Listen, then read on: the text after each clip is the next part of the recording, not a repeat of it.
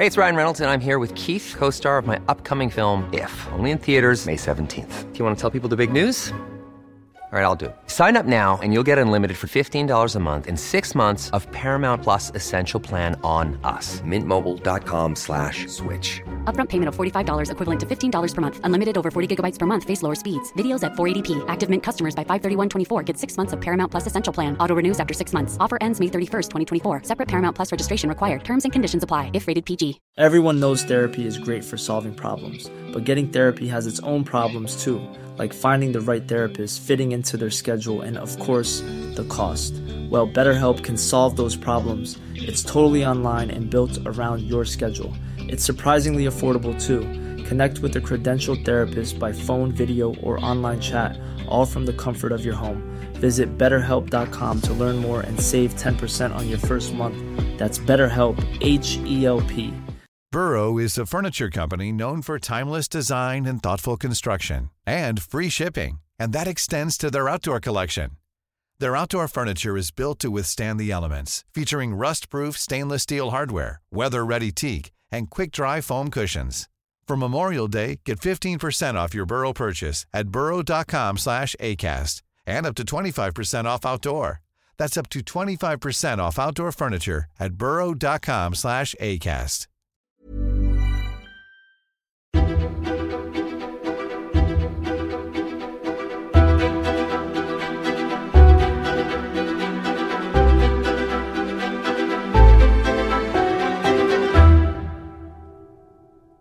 Välkomna till Krimmagasinet, en ny aktualitetspodd inom ämnet True Crime. Jag heter Tobias Henriksson. I Krimmagasinet tar vi upp aktuella fall, sådana som har hänt sedan förra avsnittet. Det blir alla typer av fall och alla typer av brottslighet, så jag är säker på att ni kan hitta ett avsnitt som passar just er. Vi kommer också att ta upp såväl historiska fall som lite mer udda juridiska händelser, så det finns all anledning att gå tillbaka och lyssna om på de här avsnitten, även om huvudfallet oftast är något som hänt relativt nyligen. Om du vill stötta den här podden ekonomiskt så går det alldeles utmärkt. Gå in på patreon.com krimmagasinet och donera en valfri summa. Med den här podden, som ju kommer ut varje vecka, har jag valt att fakturera månadsvis, så värdena är lite högre än vad ni är vana vid från mina andra poddar, där ni betalat per avsnitt. Men med de två nivåer jag har just nu så motsvarar det 2 respektive 5 dollar per avsnitt. Och som vanligt, om du hellre vill göra en engångsdonation så hittar du alla sätt att göra detta på i avsnittsbeskrivningen. Idag tänkte jag göra en liten uppföljning på Flickan och Ättikan från förra veckan. För det här är ju ett fall som utvecklar sig hela tiden. Som ni kanske minns handlar det här om en liten flicka som vi kallar Sara, som kom in till akuten efter att fått i sig ättika. Självförvållat hävdar föräldrarna, itvingad menar åklagaren. När Sara undersöks hittar man också tydliga tecken på vanvård och misshandel och föräldrarna grips omgående. I förra avsnittet fick ni hela historien om vad som hände, vilka personer som var aktuella i utredningen och mycket mer. Men det var en passage som borde kommit med i avsnittet, men som inte fick plats. Det handlar om hur föräldrarnas digitala kommunikation såg ut innan händelsen. Ni kommer snart att förstå varför det här är viktigt. Men först en varning. I och med att vi pratar om brott så kommer vi också att beröra obehagliga ämnen. I just det här avsnittet förekommer våld mot barn samt vanvård av barn. Är du känslig för sådana här saker så bör du kanske lyssna på ett annat avsnitt.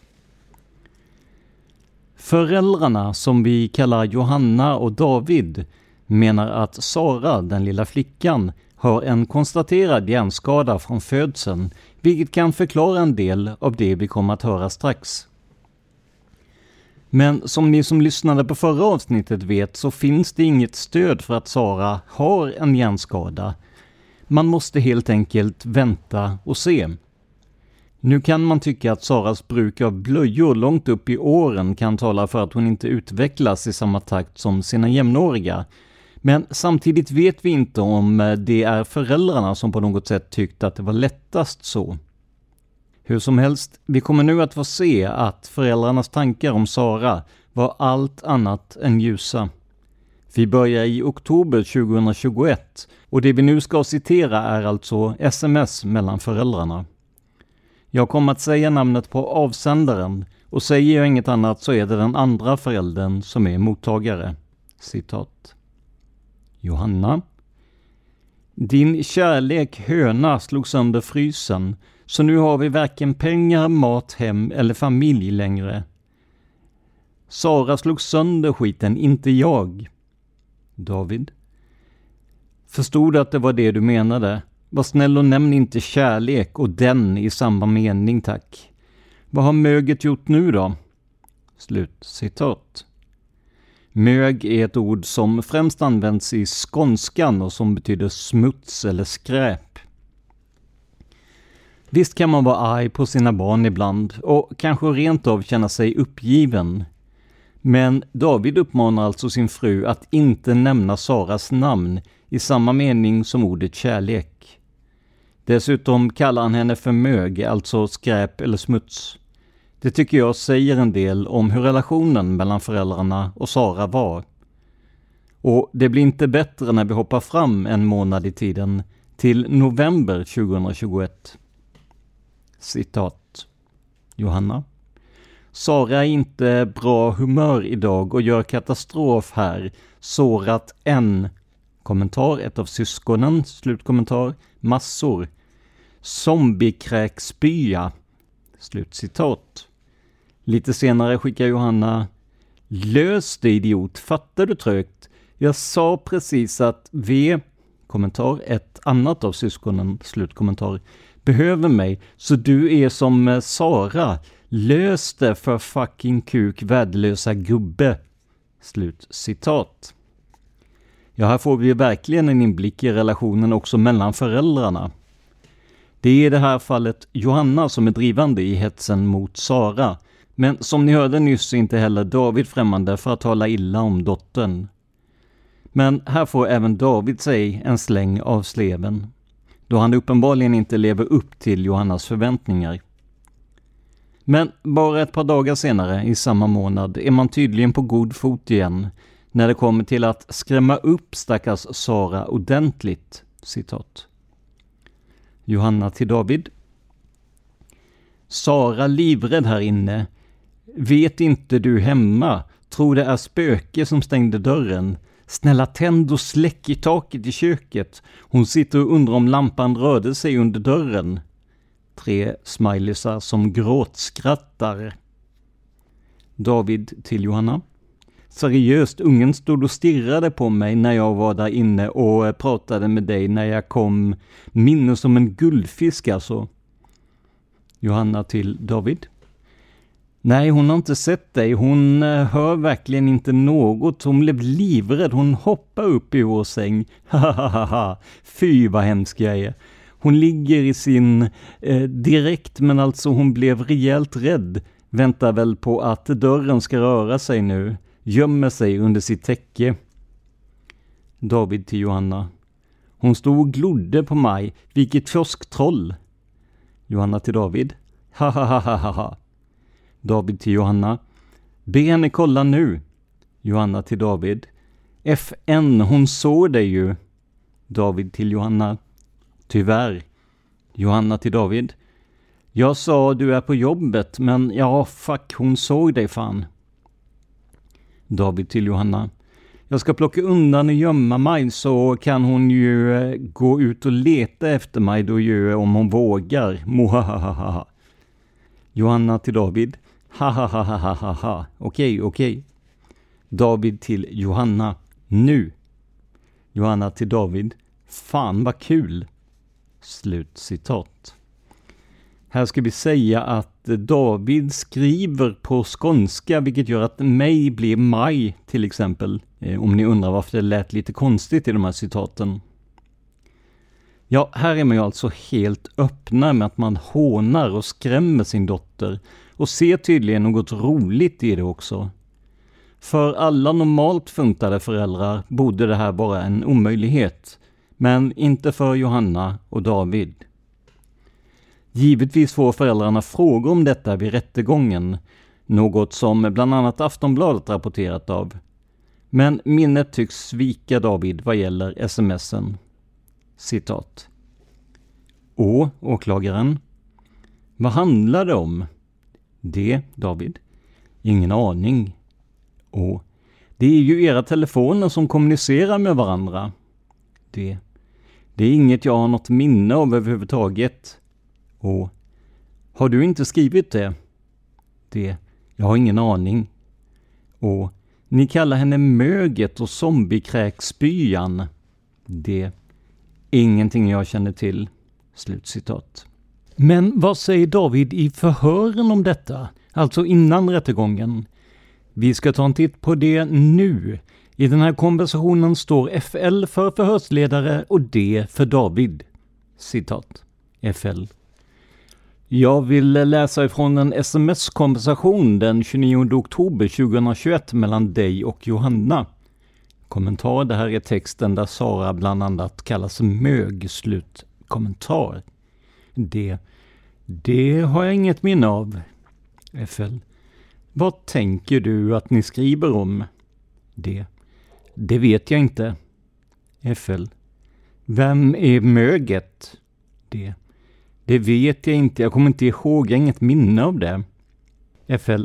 Det finns fler konversationer om eh, Sara. Det är den 17 november. Kommentar, det här är texten om hur de skrämmer Sara. Slutkommentar. Det. Det har jag inget minne av. FL. När du hör vad jag läser, hur känns det? Ni är hennes föräldrar, vad är det ni gör? D. Jag vet inte alls. FL. Fast du hör vad som skrivits, det är mellan dig och Johanna. Det handlar om att skrämma ett barn, er femåriga dotter, och som du kallar kiosktroll. D. Det är inget jag känner igen. FL. Du har berättat att eh, Johanna ibland använder din telefon, men här använder hon sin egen. Och hon skriver om någon kommer hem från jobbet så kan det inte vara någon av de andra barnen. Eller så är det så att eh, detta är något ni gör ofta så du inte kommer ihåg det. Jag vet inte, jag, jag minns inte. FL. Vad känner du när du läser detta? D. Det är rätt sjukt. FL. När man eh, tittat igenom era telefoner så ser man en väldig skillnad på hur ni pratar om och på vilket sätt man skriver om Sara jämfört med de andra barnen. Vad är det som gör att eh, du kallar henne kiosktroll, minne som en guldfisk? Det. Detta är ingenting jag har något minne av alls. FL. Det är ganska stor skillnad. 77 meddelanden i tömningarna som handlar om Sara och det är alltid negativt. Det är aldrig om något bra som Sara gjort mellan dig och Johanna. Våra analytiker har gjort en jämförelse mellan Sara och de andra barnen, där det skrivs både positivt och negativt. Vid sökning av telefonerna så återfinns Sara 70 gånger hos eh, David och 77 gånger hos Johanna. Hon benämns bara negativt eller neutralt förutom dygnet då hon är på sjukhus den 24. Då nämns hon positivt. Vid V så återfinns hon 196 och M har 357. Vad gör att hon inte nämns i positivt sätt? Kommentar V och M är två av de andra syskonen som vi inte kommer att nämna vid namn. Slutkommentar. D. Det vet jag inte. FL. Hur är din bild av Sara, förutom hjärnskadan och självskada, utan din känsla av henne som person? D. Den bild jag har av henne är att hon är älskad trots att hon har sina svårigheter. FL. Ändå säger du att det är sjukt med konversationerna. D. Då har hon nog tagit min telefon. FL. Och skrivit till sig själv. D. Ja, för jag har verkligen inget minne av detta. Inte alls. Slut citat. Nej, minnet sviktar för David, apropå minne som en guldfisk. Och till sist menar han alltså att Johanna tagit hans telefon och skrivit till sig själv. I mina ögon låter det ungefär lika rimligt som när folk som twittrar något dumt skyller på katten. Men hur svarar Johanna på de här frågorna då? Det får vi inte veta, för i förundersökningsprotokollet sitter hon tyst genom hela det förhör där det här tas upp. Det återstår att se om hon kommer med någon förklaring när hon själv förhörs i rätten. Något hon faktiskt har förklarat, om än med en annan förklaring än i förundersökningen, är hur Saras brännskador uppstått. Sara har själv sagt att mamman orsakat dem. Johannas förklaring har varit att eh, Sara fått varm vätska på sig i samband med att hon lagade välling.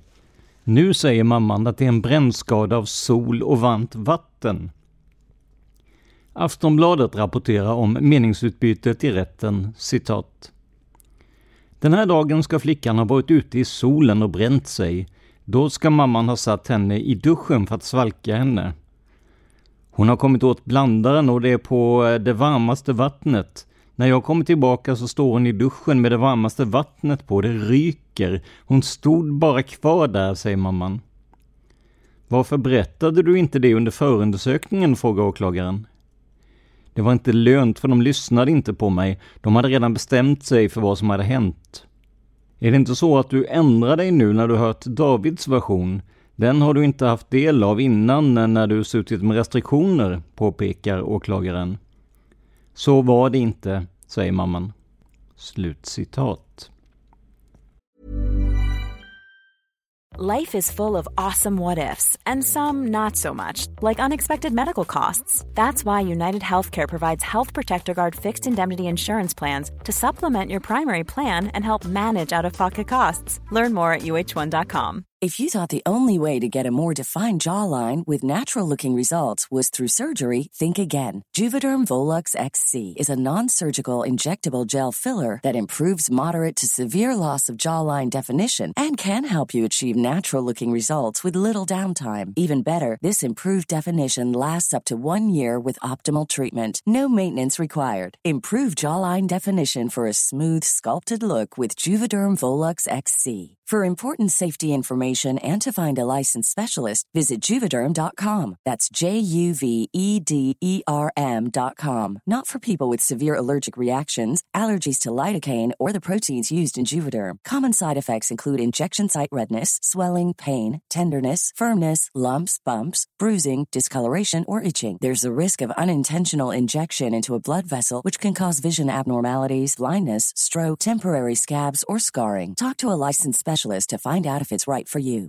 How would you like to look five years younger? In a clinical study, people that had volume added with Juvederm Voluma XC in the cheeks perceived themselves as looking five years younger at six months after treatment. Look younger, feel like you. Add volume for lift and contour in the cheeks with Juvederm Voluma XC. Reverse signs of aging by adding volume to smooth laugh lines with Juvederm Volure XC. For important safety information and to find a licensed specialist, visit juvederm.com. That's J U V E D E R M.com. Not for people with severe allergic reactions, allergies to lidocaine, or the proteins used in Juvederm. Common side effects include injection site redness, swelling, pain, tenderness, firmness, lumps, bumps, bruising, discoloration, or itching. There's a risk of unintentional injection into a blood vessel, which can cause vision abnormalities, blindness, stroke, temporary scabs, or scarring. Talk to a licensed specialist to find out if it's right for you. I'm Sandra, and I'm just the professional your small business was looking for. But you didn't hire me because you didn't use LinkedIn jobs. LinkedIn has professionals you can't find anywhere else, including those who aren't actively looking for a new job but might be open to the perfect role, like me. In a given month, over 70% of LinkedIn users don't visit other leading job sites. So if you're not looking on LinkedIn, you'll miss out on great candidates like Sandra. Start hiring professionals like a professional. Post your free job on linkedin.com/people today. Everyone knows therapy is great for solving problems, but getting therapy has its own problems too, like finding the right therapist, fitting into their schedule, and of course, the cost. Well, BetterHelp can solve those problems. It's totally online and built around your schedule. It's surprisingly affordable too. Connect with a credentialed therapist by phone, video, or online chat, all from the comfort of your home. Visit betterhelp.com to learn more and save 10% on your first month. That's BetterHelp, H E L P. Något som är ytterst oklart i det här fallet är det egentliga motivet. Varför plågar man sitt egna barn på det här utstuderade sättet? Jag har definitivt inget 100% bra svar, men en titt på föräldrarnas bakgrund kan ge en hint om var man ska leta efter motivet. Och jag vill med en gång säga att tidigare försyndelser i livet inte per automatik gör en till en dålig förälder.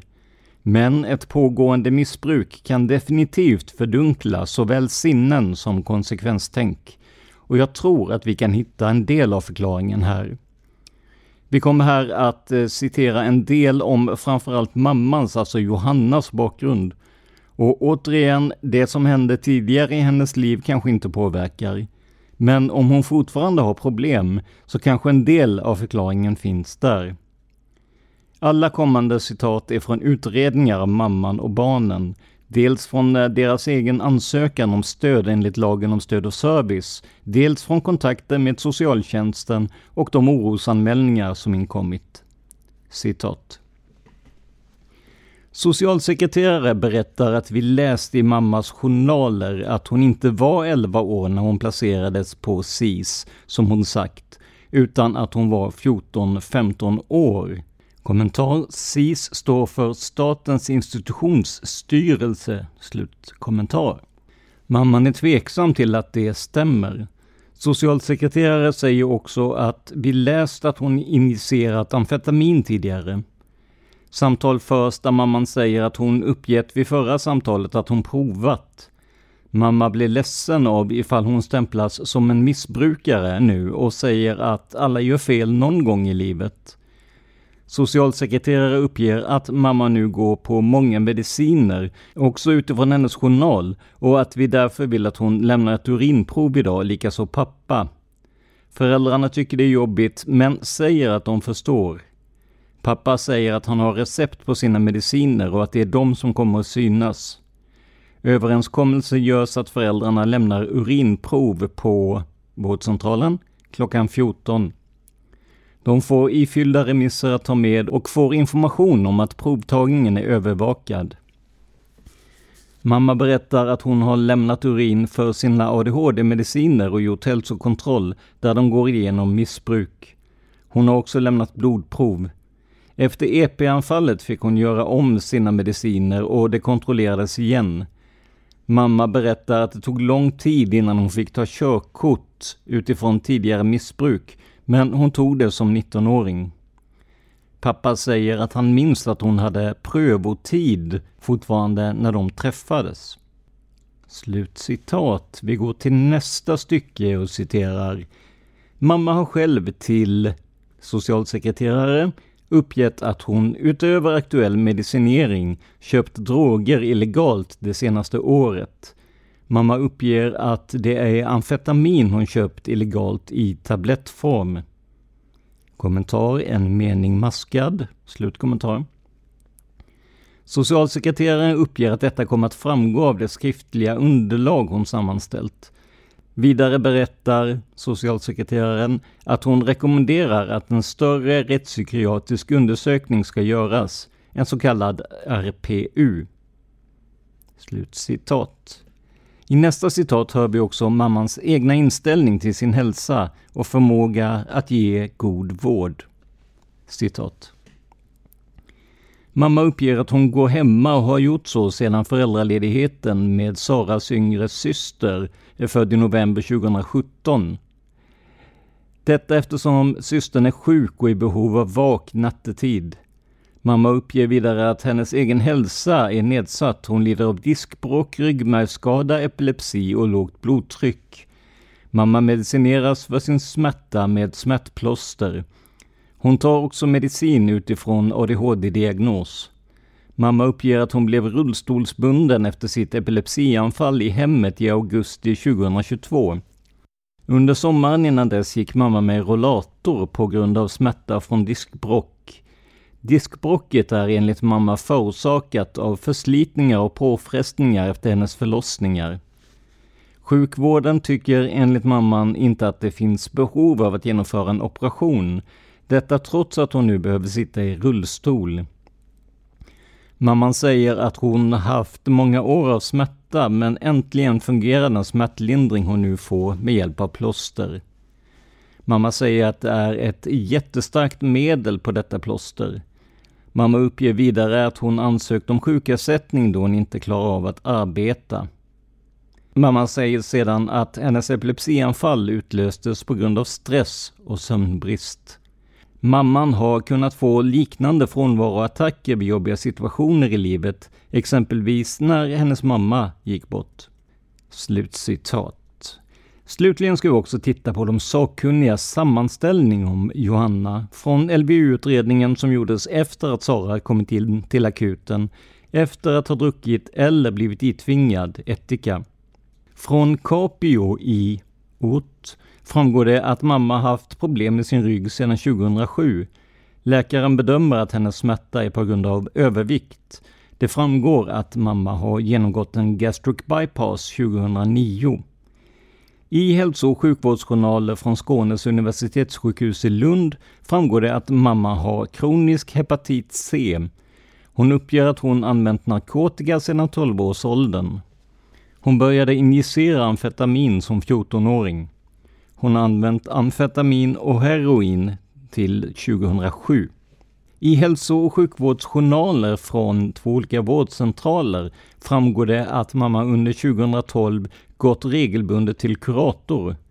Mamman är under denna tid sjukskriven för utmattningssyndrom och depression, vilket hon medicineras för. Vid kontakt 2014 på vårdcentralen uppger mamma att hon mått dåligt sedan äldsta sonens graviditet och känt sig nedstämd. Uttrycker önskan om att få medicinering igen. Mamma uttrycker vid senare kontakt att hon tar maxdos av medicinen, men kan ändå inte sova. En ny medicin skrivs ut för både sömn och antidepressiv effekt.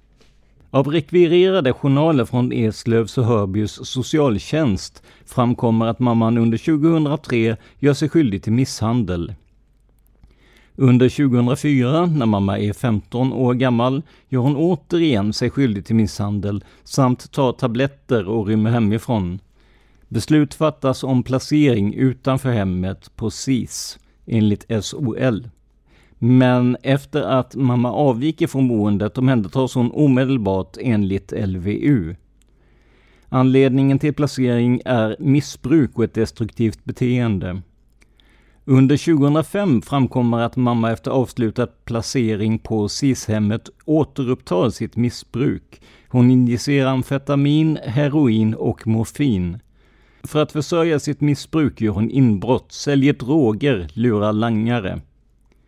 Under 2006 konstateras att mamma smittats med hepatit C. Utöver ovanstående framkommer att mamma lider av psykisk ohälsa med ångest, depression. I slutet av 2005 placeras mamma på behandlingshem på Gotland i sex månader. Hon placeras där med anledning av missbruk, främst amfetamin. Därefter får mamma öppenvårdsinsatser på Prokrami kvinnobehandling i fyra veckor samt anslutande kollektivboende i Malmö fram till augusti 2007. I september 2007 är mamma klar med sin behandling och eftervård på kvinnobehandlingen och flyttar till eget boende. Slut citat. Nu vill jag återigen vara tydlig med att psykisk ohälsa eller fysisk sådan inte diskvalificera en som förälder. Jag har själv nyligen gått igenom en utmattningsdepression och även om jag var mer frånvarande som förälder så innebar det såklart inte att jag på något sätt vanskötte barnen.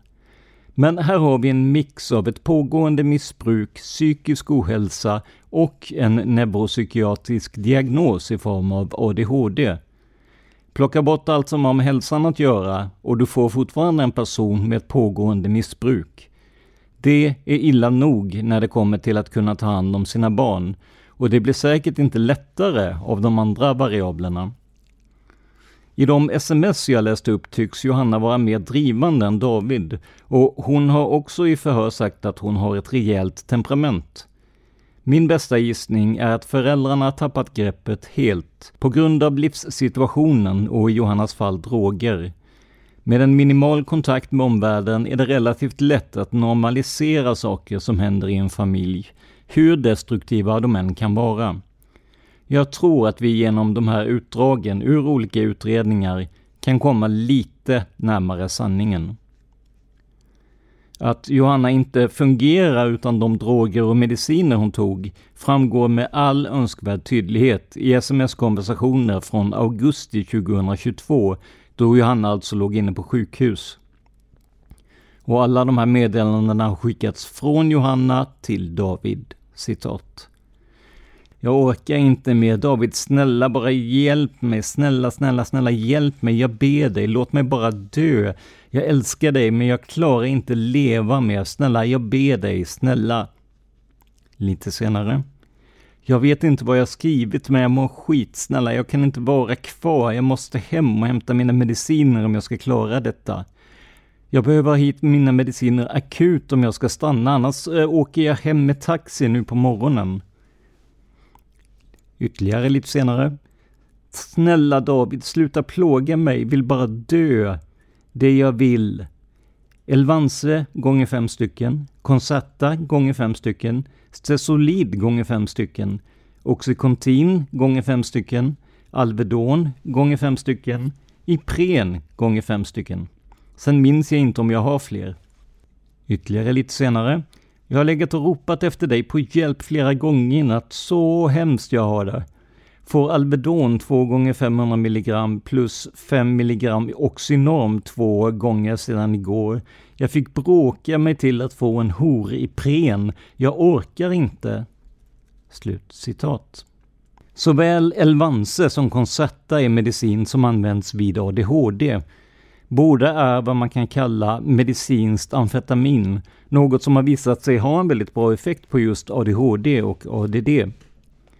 Men som ni hörde har ju Johanna ett pågående missbruk av amfetamin och utan att vara expert på ämnet, trots att jag själv har ADD, så vågar jag nog slå fast att kombinationen av ADHD-medicin och illegal amfetamin inte på något sätt gynnar Johannas mående.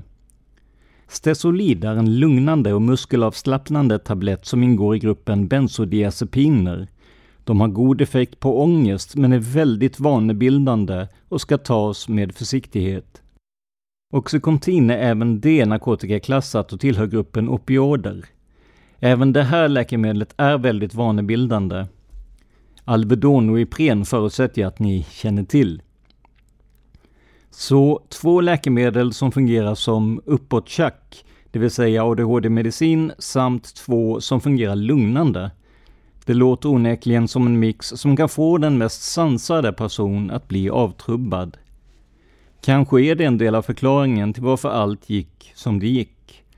Är man hela tiden påverkad av narkotika eller narkotikaklassade läkemedel bör det kunna flytta gränserna för vad man tycker är normalt och inte.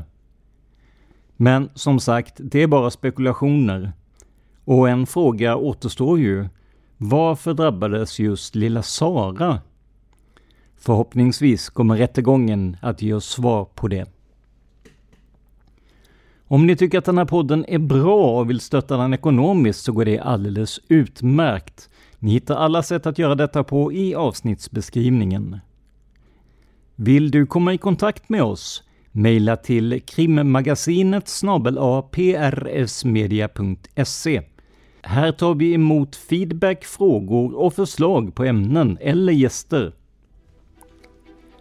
Det här var veckans avsnitt av Krimmagasinet av och med mig, Tobias Henriksson på PRS Media. Källor vi har använt oss av idag är artiklar från Aftonbladet och Expressen samt förundersökningsprotokollet. Vill du veta mer om mig och mina projekt besök facebook.com prsmedia.se eller gilla oss på Instagram där vi heter prsmedia, ett ord, små bokstäver. Låten i vårt intro och outro är som vanligt Life Decisions och den görs av Remember the Future. Stort tack för att ni lyssnar på den här podden. Vi hörs nästa fredag.